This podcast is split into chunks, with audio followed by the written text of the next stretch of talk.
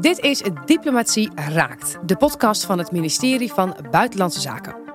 In deze podcast duiken we in het werk en het leven van Nederlandse ambassadeurs en diplomaten. Ze vertegenwoordigen ons koninkrijk wereldwijd en ze zijn er voor alle Nederlanders die in het buitenland wonen, werken, reizen of verblijven. Maar wat betekent dit nou concreet? Wat doet een ambassadeur of diplomaat nou op een dag? Mijn naam is Liesbeth Rasker en in dit vierde seizoen van Diplomatie Raakt ga ik op zoek naar antwoorden op deze vragen. In elke aflevering staat een nieuwsmoment centraal dat iedereen zich nog wel kan herinneren. Wat is het verhaal achter de krantenkop? Welke rol speelt de BZ hierin? En wat gebeurt er eigenlijk allemaal op een Nederlandse ambassade als er ergens crisis uitbreekt?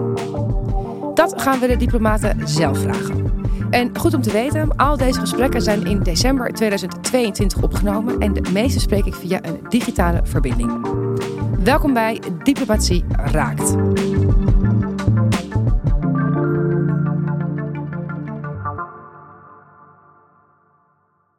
Lang konden de Oekraïners het niet geloven, een militaire invasie door Rusland. Maar vanochtend merkten ze dat het ondenkbare dus toch was gebeurd. Rusland, de VS, de EU, de NAVO, de hele wereld is op dit moment bezig met wat er in Oekraïne gebeurt. Sinds 16 mei is Mariupol, of wat er van over is, in handen van de Russen. Oekraïne is aangevallen door Rusland. Na weken van praten en overleg is er dus toch oorlog uitgebroken. In deze aflevering is Jennis de Mol te gast. Hij werkt sinds 1992 voor BZ en is uitgezonden geweest naar onder andere Rusland, Afghanistan en de Verenigde Arabische Emiraten. Ook was hij een aantal jaar directeur personeelszaken in Den Haag. Sinds 2019 is hij ambassadeur in Oekraïne, een land dat nu, zoals we allemaal weten, bijna een jaar in oorlog is. Wat kun je dan nog als ambassadeur doen? En wat doet zo'n impactvolle tijd met jou en de collega's op de post persoonlijk? Ik denk dat we de casus die we in deze aflevering gaan bespreken niet uh, verder hoeven te introduceren, want iedereen zal weten wat er aan de hand is. Um, ik wil graag beginnen met weten hoe is het met jou? Hoe het met mij is? Ja, ja wel goed. Wel goed. Uh, ondanks uh, zeg maar de, de oorlog en alle omstandigheden maken we het naar omstandigheden goed. Het is natuurlijk een bizarre situatie waar we in zitten. Een soort van zwaard van Damocles wat permanent boven ons hoofd hangt. Waarbij ja, je eigenlijk nooit weet wat er uit de lucht komt vallen. Of dat nou drones zijn of kruisraketten. En dat kan eigenlijk op ieder willekeurig moment kan dat gebeuren.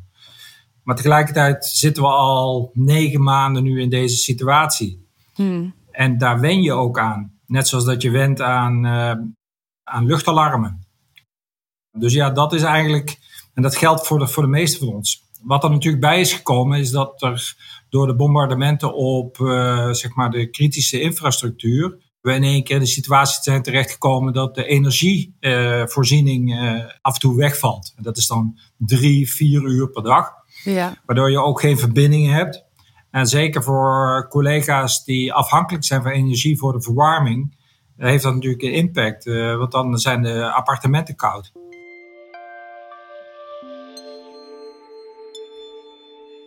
En hoe is dat? Hoe, hoe, je zit nu op de ambassade? Ja, ik zit nu op de ambassade. En uh, uh, we hebben nu stroom, dus er is licht hierboven. En dat betekent dat in principe alles uh, werkt. Maar als de stroom uitvalt, dan gaan wij over op een generator. En dan mm werkt alleen maar, zeg maar de basisinfrastructuur, dus de verbindingen. En tegenwoordig gelukkig ook de verwarming. Want we hebben hier vorige week met 15 graden gezeten in een gebouw. En ik kan je verzekeren dat je dan ongeveer vast vastvriest uh, uh, aan, je, aan je bureautafel. Jeetje, nou. En hoe is het leven nu in Kiev? Hoe zien jouw dagen eruit? Afhankelijk van de veiligheidssituatie. Dus bijvoorbeeld gisteren heb ik uiteindelijk twee uur s ochtends nog in een schuilkelder gezeten, omdat er een, een massa-aanval met Iraanse drones was. Dus er zijn er dertien naar ons toegekomen. En het werkt zo dat op het moment dat die drones zeg maar, de grens overgaan of opstijgen, uh, gaat er bij ons een luchtalarm af. Uh, ja, en dan is het afwachten waar ze naartoe vliegen. Ja, en dat betekent dan voor mij persoonlijk dat ik uh, de schuilkelder in ga. En als ik op de ambassade ben en zoiets gebeurt, dan gaan wij ook hier de kelder in. En hoe, hoe, hoe is het om in een schuilkelder te zitten? De eerste keer is het bizar. Het is sowieso heel erg wennen de eerste keer aan het geluid van uh, zeg maar de, het luchtalarm. de eerste keer was, het, was het heel onprettig. Maar ook daar wen je aan op een gegeven moment. En nu is het zo ja, dat het er een beetje bij hoort. En dat betekent ook dat zeg maar, de Oekraïners op straat ook niet altijd gevolg geven aan een luchtalarm en gewoon doorgaan met wandelen. En ja, dat is wat, wat ze doen. Zelfs dit went. Zelfs dat went, ja. En dat, en dat is natuurlijk gevaarlijk, want uh, zeker met die drones, ja, is de kans dat er in één keer iets uit de lucht komt vallen, is alleen maar toegenomen. En uh, dus je kunt maar beter toch het uh, zekere voor het onzekere nemen en gaan schuilen. Ja, en um, jij woont weer in je eigen huis. En hoe, hoe ziet jouw wandeling of de route van je huis naar de ambassade eruit? Ik woon in een, uh, een deel van de stad wat uh, niet zo uh, ver van de ambassade is. Maar ik moet omrijden omdat binnen, binnen het centrum van de stad, waar alle, het parlement is en bijvoorbeeld de administratie en ministeries, dus echt het administratieve centrum. Dat is volledig afgescheiden. Daar staan ook allerlei auto's en roadblocks. Daar kom je niet doorheen. Dus ik moet omrijden. Ja, en dan rij je afhankelijk van het moment en, de weersomstandigheden rij je door eigenlijk een vrij rustige stad. Tegelijkertijd heb ik vanaf uh, zeg maar april, eind april tot nu uh, iedere keer wel steeds meer mensen de stad in zien komen. Dus op dit moment zijn er ongeveer op basis van het uh, telefoonverkeer ongeveer 3,5 miljoen mensen in de stad weer. En hoeveel waren het er eerst? Ik denk dat wij in normale tijden rond de 4 miljoen zaten. Dus, uh, dus dat, dat is eigenlijk, betekent dat er behoorlijk veel mensen zijn teruggekeerd. En is er, is er sprake van een sociaal leven daar? Is er weer, ga je naar je werk? Ja hoor. Ja? Ja, er is, uh, weet je, uh, restaurants zijn open. Uh, er is weliswaar er is, uh, een avondklok, dus je moet voor een bepaalde tijd uh, moet je binnen zijn. Dan mag je de straat niet op. Restaurants zijn open, hotels zijn open. Op sommige plekken zie je wel dat de, de bezetting heel laag is. In restaurants kan het leeg zijn. Dus je moet wel op tijd zijn. Je moet echt wel voor zeven uur bijvoorbeeld ergens binnen zijn om nog wat te eten te krijgen. Mm -hmm. Maar het gekke is, een wonderbel. En dat is ook wel het bijzondere, vind ik, van, uh, van die Oekraïners. De weerbaarheid is enorm. De creativiteit ja. is enorm van de mensen. En de manier uh, om om te gaan met tegenslag is ook enorm. Ja. En op een gegeven moment is er geen elektriciteit. Nou, dan wordt het lastig koken bijvoorbeeld. ja. Maar ja, weet je, dan blijkt toch weer een of andere pizzeria te zijn die een, een oven heeft met, uh, met hout. ja, en die doet goede business. Ja, het leven gaat door. Ja wat je in het begin zei, uh, Nederlanders die in Oekraïne verblijven, uh, inlichten, misschien het land uitkrijgen, dat soort dingen. Wat voor taken liggen er nog meer op jouw bureau als ambassadeur in een oorlog? Nederland is uh, behoorlijk actief op militair gebied, mm -hmm. geeft veel militaire steun. We geven financiële steun. Je moet je voorstellen, iedere maand komt dit land ongeveer 5 miljard euro tekort op de begroting. Dus daar moeten wow. oplossingen voor verzonnen worden. Oekraïne zit bij ons in de kiesgroep van de IMF. Dus we hebben heel veel contact ook met collega's daarover, over financiering, macrofinanciering. Daarnaast heb je humanitaire hulp. Uh, wij zijn betrokken via uh, uh, zeg maar het ministerie voor Buitenlandse Handel en Ontwikkelingssamenwerking bij de hele wederopbouwagenda. Nou, voordat we daar aan toe zijn, is het natuurlijk gewoon het overleven van de winter. Ja. Dat zijn allerlei programma's die lopen. Geld gaat via internationale organisaties zoals uh, Save the Children of Oxfam of het Rode Kruis, uh, OCHA, de VN-instellingen. Daar heb je contact mee. Wat je ook ziet is dat er economische banden zijn. Er zijn gewoon bedrijven die actief zijn. Op cultureel gebied willen we, hebben we besloten dat uh, Oekraïne een focusland is. En dat betekent dat programma's moeten worden opgezet om cultureel erfgoed wat beschadigd is als gevolg van de oorlog, om dat te, wederop te bouwen. Dus ja, je ziet aan alle kanten dat er behoefte is om op een of andere manier met elkaar in gesprek te blijven. En dat geldt ook voor de Oekraïnse overheid, die ons heel veel uitnodigt om hun verhaal te vertellen en een, een wensenlijst uh, duidelijk te maken en boodschappen te laten overbrengen aan Den Haag bijvoorbeeld. Ja, en wat, um, hoe, hoe, hoe is het met jouw team? Is, is, is iedereen daar nog bij? Of zijn er mensen ook weggegaan? Of? Ja, wij zijn eigenlijk een team in diaspora. Dus uh, je moet je voorstellen, we werken zoals we hebben gewerkt in coronatijd. Dus ja. heel veel in hybride vormen, digitaal, zoals wij nu ook met elkaar uh, op afstand uh, praten. Ja. En dat werkt goed. we hebben daar ervaring mee opgedaan in coronatijden. Maar in feite is, is dat experiment is, is gewoon doorgegaan. Ja, en hoe zorg je ervoor dat het team een team blijft? Als, in, als je zo ver uit elkaar zit, er is een hoop persoonlijk leed, komt hier ook allemaal bij kijken. Hoe zorg je ervoor? Door goed met elkaar te blijven communiceren en veel elkaar op te zoeken. Dus uh, wat we eigenlijk gedaan hebben, is ook in de oorlogstijd. We zijn eigenlijk van meet af aan begonnen met gewoon de normale procedures van de ambassade. Dus de gewone stafoverleggen, de uh, gewone werkoverleggen die we hadden, om daarmee door te gaan.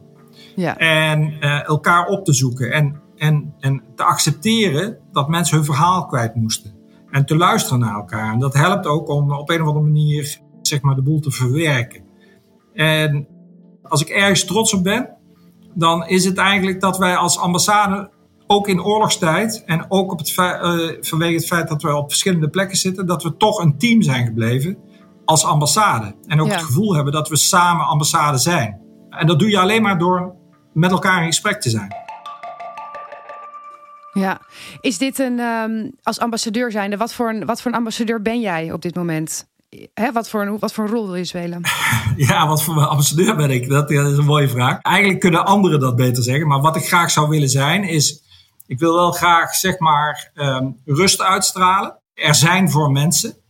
Uh, ik ben uh, een meewerkend voorman, zoals dat dan heet. Ja. Dus ik werk gewoon ook mee. Ik schrijf ook gewoon de stukken. Af en toe moet ik de koffie zetten. Af en toe doe ik het vervoer. Open ik de ambassade. Dus dat betekent uh, dat je eigenlijk van alle taken thuis moet zijn. En je moet accepteren dat de dingen anders gaan dan anders. En gewoon zeg maar alle taken gewoon opnemen op, op het moment dat, dat het nodig is. Maar met name denk ik wat belangrijk is om te luisteren naar de verhalen van mensen en daar tijd voor te nemen. Uh, ik denk dat dat onder de huidige omstandigheden eigenlijk het belangrijkste. Plus de, de, de durf te hebben om, om beslissingen te nemen omdat mensen behoefte hebben aan duidelijkheid. En dat betekent dat je af en toe, ook als je niet precies weet wat er aan de hand is, toch richting moet geven in discussies en mensen duidelijkheid moet geven, zodat ze weten waar ze aan toe zijn. Want extra onzekerheid, daar is niemand bij gebaat in oorlogstijd. Waarom wilde je eigenlijk ooit ambassadeur worden? Weet je, het is zo dat bij, als je binnenkomt bij Buitenlandse Zaken, en ik ben groepsgeworven, zoals dat heet, uh, uh, iets van 30 jaar geleden, uh, dan is zeg maar de ambassadeur is, is zeg maar het, het eindpunt van een loopbaan. Ja. Dus het leek me leuk om dat ooit gedaan te hebben, uh, om die verantwoordelijkheid te hebben. Maar ik ben ook ooit directeur geweest op het ministerie. Dat vond ik ook heel erg leuk om in de keuken, zeg maar echt in de machinekamer van BZ te zijn. Om, uh, en ik ben directeur geweest van de personeelsdienst. Dat heb ik echt als een voorrecht ervaren. Hoe ja. moeilijk het ook was. Ik ben ook consul-generaal geweest, weet je. Verschillende dingen gedaan. En juist die, die verscheidenheid heb ik altijd belangrijk gevonden. Dat ik nu ambassadeur ben, is leuk. Maar het maakt me geen extra gelukkig mens. Nee. En je was inderdaad consul-generaal in Sint-Petersburg. Uh, je kent het land dus ook goed. Is die ervaring van toen, komt dat dan nu ook van pas, denk je? Of? Eigenlijk is het heel gek, maar in deze plaatsing hier in Oekraïne, daar komt eigenlijk alles wat ik uh, ooit geleerd heb en uh, uh, de ervaring die ik heb opgedaan in zeg maar die 30 jaar bij Buitenlandse Zaken, maar zelfs in de tijd daarvoor, komt eigenlijk allemaal samen. En dat gaat heel erg over talenkennis. Ik spreek uh, Russisch en ik spreek Oekraïens. Dat gaat over ervaring met crisis. Ik heb in Afghanistan gezeten. ik heb acht jaar in Rusland gewoond. Hier woon ik nu bijna vier jaar. Ik ben betrokken geweest bij de MH17. Ja. Ik heb veel, vrij veel ervaring met zeg maar, uh, omstandigheden waarin mensen onder druk staan vanuit mijn ervaring bij de personeelsdienst. Ik heb een militaire missie gedraaid. En mijn eerste ervaring bij Buitenlandse Zaken was omgaan met de genocide in, in uh, Rwanda en Burundi.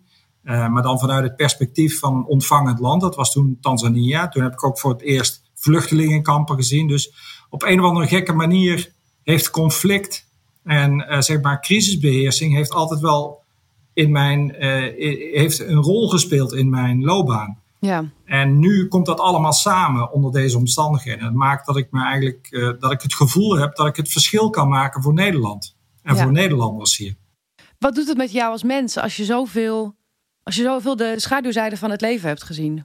Uh, wat het met mij doet is in ieder geval dat ik uh, de dag probeer te plukken. Heel erg in het hier en nu probeer te leven. En iedere mogelijkheid van, om een feestje te vieren, bij wijze van spreken, aangrijp. Omdat Ja. ik me realiseer dat morgen anders kan zijn. Ja, En ik ben van nature een optimist. Dus ik probeer de, de, de, de, zeg maar de, de positieve kant eh, te ontdekken.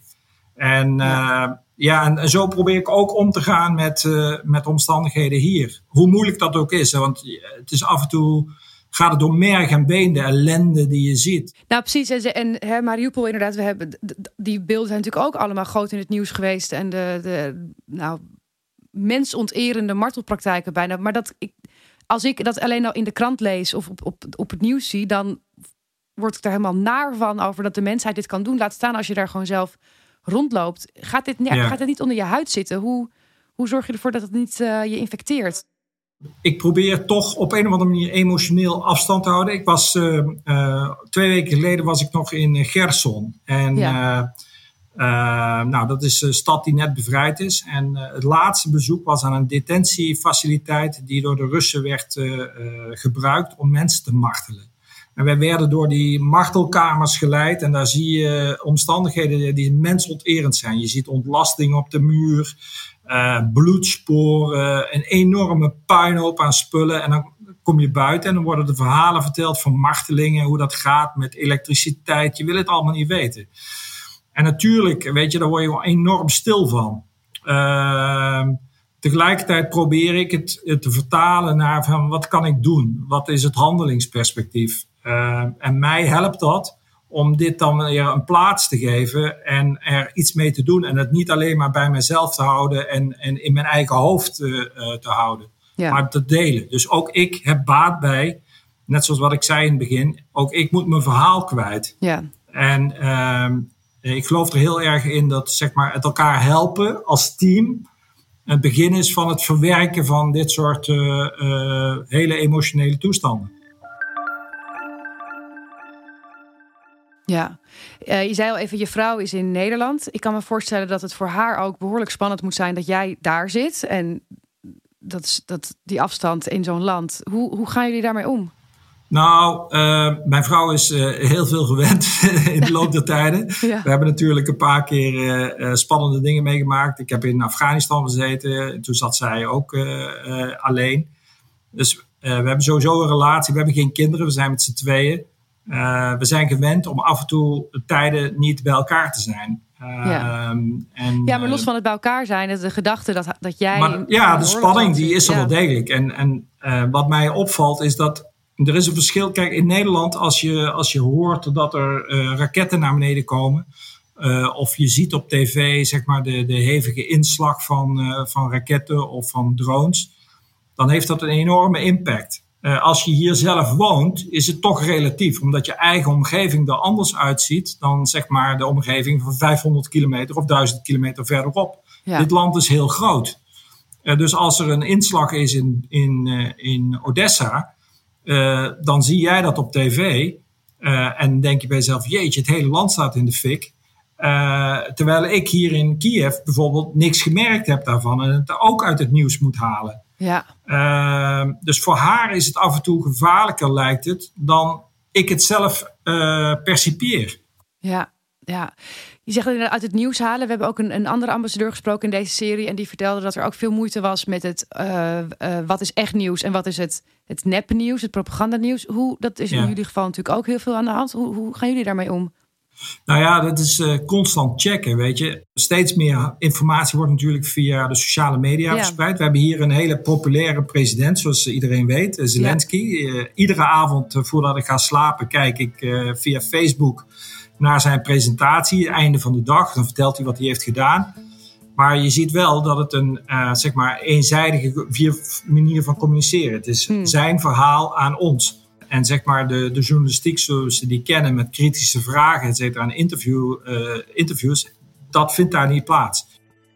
Daarnaast is er zo'n enorme berg aan informatie met zoveel eh, zeg maar fake news Ja, en gemanipuleerd nieuws uit Rusland bijvoorbeeld. dat het altijd een kwestie is van checken van klopt dit wel? Is dit wel wat ik zie? Nou, en daar heb je allerlei zeg maar instellingen voor die, die nieuws controleren en, en ervoor zorgen dat je wel de juiste dingen ziet. Jij bent in 2019 in Oekraïne gekomen. Dat betekent dat de post in principe dan bijna voorbij is. Blijf je langer? Toch? Ja, ik, ik heb een jaar verlenging gevraagd. Om, omdat we een beetje gare tijd hebben gehad. Ehm, we hebben natuurlijk eerst die coronatijd gehad. Waardoor we heel veel vanuit huis hebben moeten werken. Vervolgens kwam die oorlog. En uh, nou, ik heb je net aangegeven dat ik het gevoel heb uh, op een goede plek te zitten. Soms heb je het idee van alles komt een beetje samen in je loopbaan. Ja. En dat, dat heb ik hier. Plus, het is ook erg moeilijk om me voor te stellen dat je hier weggaat. En ik weet heel goed dat er een einde aan, aan zo'n plaatsing komt. En dat is ook heel goed om nieuw elan in zo'n uh, zo'n organisatie te krijgen. Maar ik hoop heel erg dat ik in staat ben om zeg maar, die ambassade opnieuw vorm te geven om de uitdaging van de toekomst aan te kunnen. Ja. En juist dat overgangsproces denk ik dat dat mijn taak gaat zijn. Maar daar is wel een voorwaarde. En de voorwaarde is dat er iets van een uh, vredesregeling komt tussen de strijdende partijen. Of een, gewoon een overwinning van Oekraïne. Ja, en hoe, um, hoe kijk je daarnaar? Het optimisme in dit land is enorm. Uh, men heeft echt het gevoel dat met steun van de, de, de, de wereldgemeenschap, en die, die voelt men in de rug, uh, men in staat is om de, de Russen te verslaan. Het is op dit moment winter. Dingen gaan niet zo heel snel. Er is wel uh, voortgang geboekt. Zeker in Gerson hebben we gezien. Maar ook in Kharkiv in het noorden. tegelijkertijd is Rusland niet verslagen. En, en zal er dus heel veel inzet nodig zijn. Ehm, en het laat zich niet voorspellen hoe lang dit gaat duren. Maar we moeten er wel rekening mee houden dat het langer gaat duren dan wat misschien sommige mensen hopen dat dit snel voorbij is. En dat, dat is zeker niet het geval.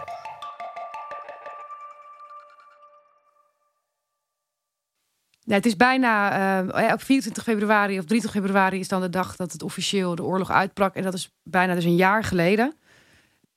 Ja, daar wil ik wel een, een kanttekening bij plaatsen. Um, de oorlog is eigenlijk begonnen in 2014. Oké. Okay. Je hebt eerst uh, zeg maar de bezetting van de, de, illegale annexatie gehad van de Krim. Daarna de oorlog, uh, die de zogenaamde separatisten, maar dat blijken gewoon Russische troepen geweest te zijn. Ja. Uh, hebben uitgelokt in de Donbass. Vervolgens is het MH17 naar beneden gehaald uh, met een bukraket. Nou, daar hebben we net de uitspraak van gehad in, in, in, een rechtszaak. Dat is het moment dat die oorlog is begonnen. En iedere dag, toen ik hier aankwam in 2019, moet je voorstellen, zat ik met de volgende statistiek in mijn hoofd. Er waren 14.000 slachtoffers, 40.000 gewonden en ongeveer 400.000 veteranen. En iedere dag gingen er ongeveer drie mensen dood. Uh, en waren er een paar gewond. En iedere dag, en ik heb dat zelf ook kunnen constateren toen ik aan de zogenaamde contactlijn was. Dat was de, zeg maar de frontlijn. Iedere dag werden daar mortieren afgeschoten. En uh, bij rotaties van legereenheden werden, werden zwaardere stukken ingeschoten. De OVC monitorde dat en zag gewoon de, de, de banen van de artillerie. Dus het was wat ze uh, eufemistisch een uh, low intensity warfare noemen. Maar daar gaan wel elke dag mensen bij, ja. bij dood. Dus die oorlog die is al acht jaar gaande. Ja, ja. Hoe ziet de rest van je dag er vandaag uit? We spreken elkaar, het is nu kwart over één. Ja, nou, morgen hebben we een rotatie. Er gaan er uh, weer een paar mensen uit, er komen wat mensen in. Mm -hmm. uh, we eten vanavond uh, iets wat door de beveiliging wordt klaargemaakt. Die gaan een Indonesische rijsttafel maken. Dat is de eerste keer, ja. zeg maar, in negen maanden dat we dat meemaken.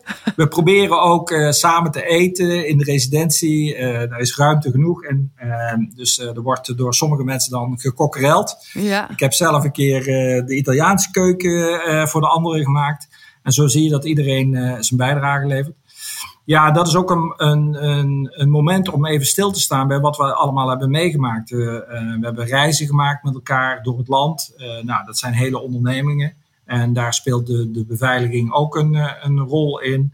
tegelijkertijd zitten we natuurlijk met zeg maar de internationale agenda van dit land. wat vinden we ervan? En dit soort momenten zijn goed om, om, ja, om emoties ook te delen van hoe kijk je ernaar en wat zijn je ervaringen. Sommige komen uit Nederland.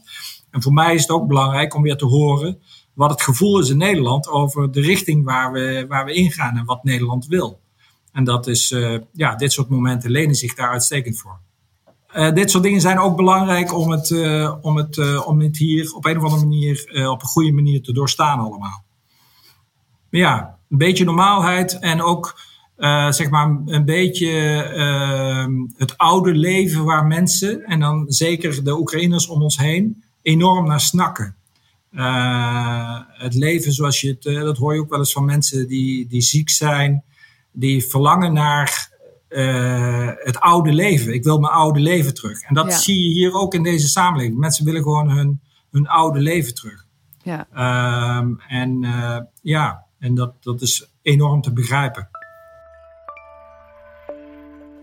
Laten we hopen dat dat zo snel mogelijk gaat gebeuren.